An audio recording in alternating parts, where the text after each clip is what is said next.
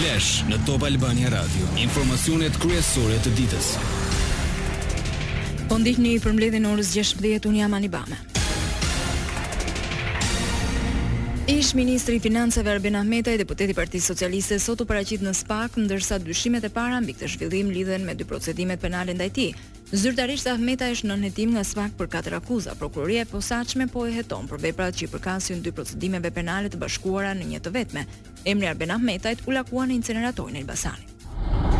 Për çështjen e inceneratorit dhe koncesionin e Elbasanit, Ahmetaj akuzohet për shpërdorim detyre për një tjetër kallëzim lidhur me pasurinë, po hetohet për pastrim parash, korrupsion dhe fshehje të pasurisë. Për Ahmetajn, hetimet nisën shtatorin e kaluar.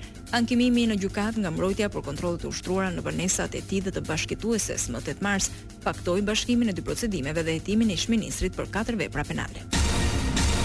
Tragjedia e Gërdecit sërish shtyhet seanca ndaj ish-ministrit të Mbrojtjes Fatmir Mediu, SPAK kërkoi kohë që të verifikojë prokurat e avokatit nga familjarët e viktimave dhe gjyqi i radhës do zhvillohet më shtatë korrik. Mediu akuzohet për shpërdorim detyre të dyfishtë sipas Kodit Penal dhe Kodit Penal Ushtarak. Shpërthimet e pesëmbëdhjetë marsit dy mijë e tetë në fabrikën e demontimit të municioneve në Gërdec të Tiranës shkaktuan njëzet e gjashtë viktima dhe rreth treqind të plagosur.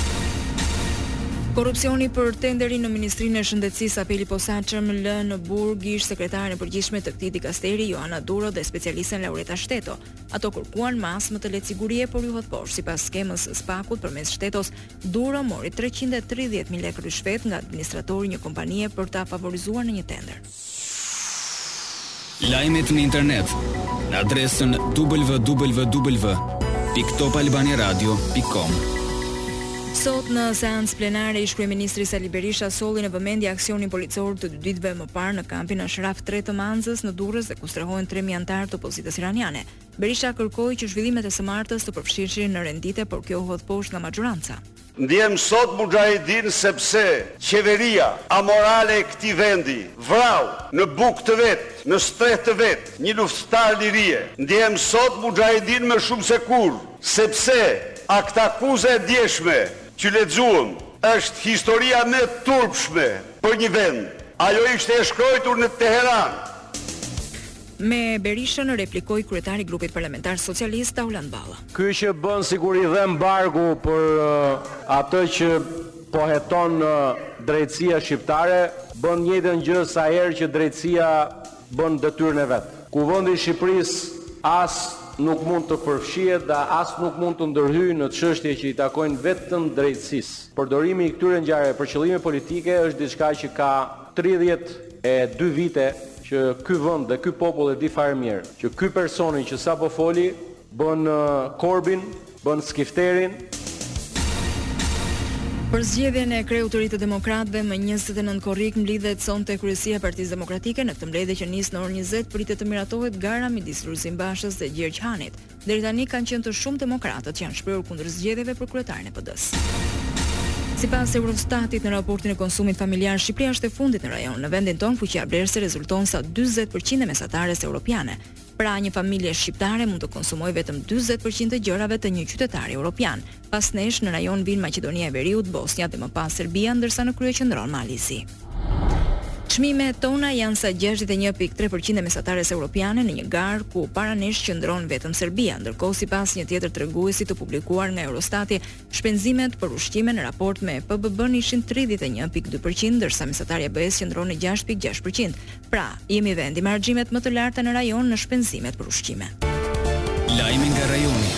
Në Bruksel, takimet e Albin Kurtit dhe Aleksandër Vuçiçit pritet të jenë vetëm mes secilit prej tyre me ndërmjetës europian të dialogut dhe nuk ka gjasa që sot të ulen në tryezë të përbashkët, por nuk është thënë fjala e fundit. Mësohet se kryediplomati europian Josep Borrell i shoqëruar nga i dërguari i posaçëm Miroslav Lajçak, Do të kenë bisedime të ndara me dy liderët në fokus menaxhimi i krizave.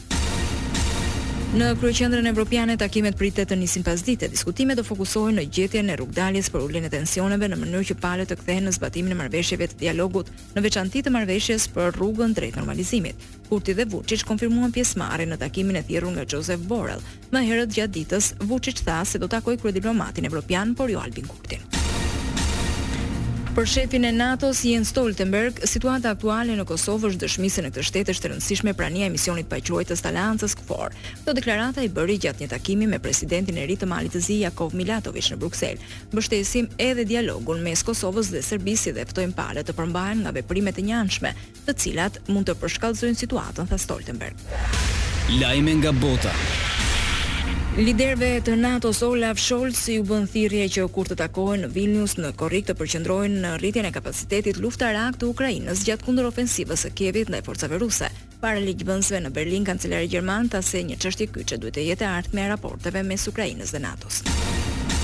Intensifikohen kërkimet për nëndetësen e zhdukur në Atlantik, një ekip shumëkombësh kërkim shpëtimi po vazhdon përpjekjet nga deti dhe ajri për mjetin lundrues Titan që nuk po gjendet.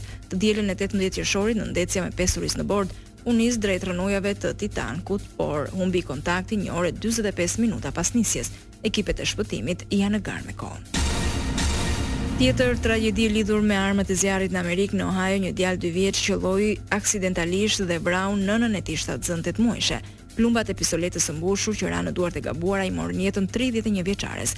Kjo tragjedi është më e fundit në një seri të gjatë ngjarjesh të tilla në Shtetet e Bashkuara, vend me katërqind milionë armë zjarri për rreth 330 milionë banorë. Parashikimi i motit. Deri më tani, kjo është dita më e nxehtë e vitit dhe orët në vijim vendi ynë do ndikohet nga kushte atmosferike të qëndrueshme, moti mbetet i kthjellët dhe me zhvillime vranësirash të çrregullta. Temperaturat luhaten nga 17 në 36 gradë Celsius. Këtu kemi përfunduar, mirudëgjofshim në edicionin e orës 17. Kjo është Top Albania Radio.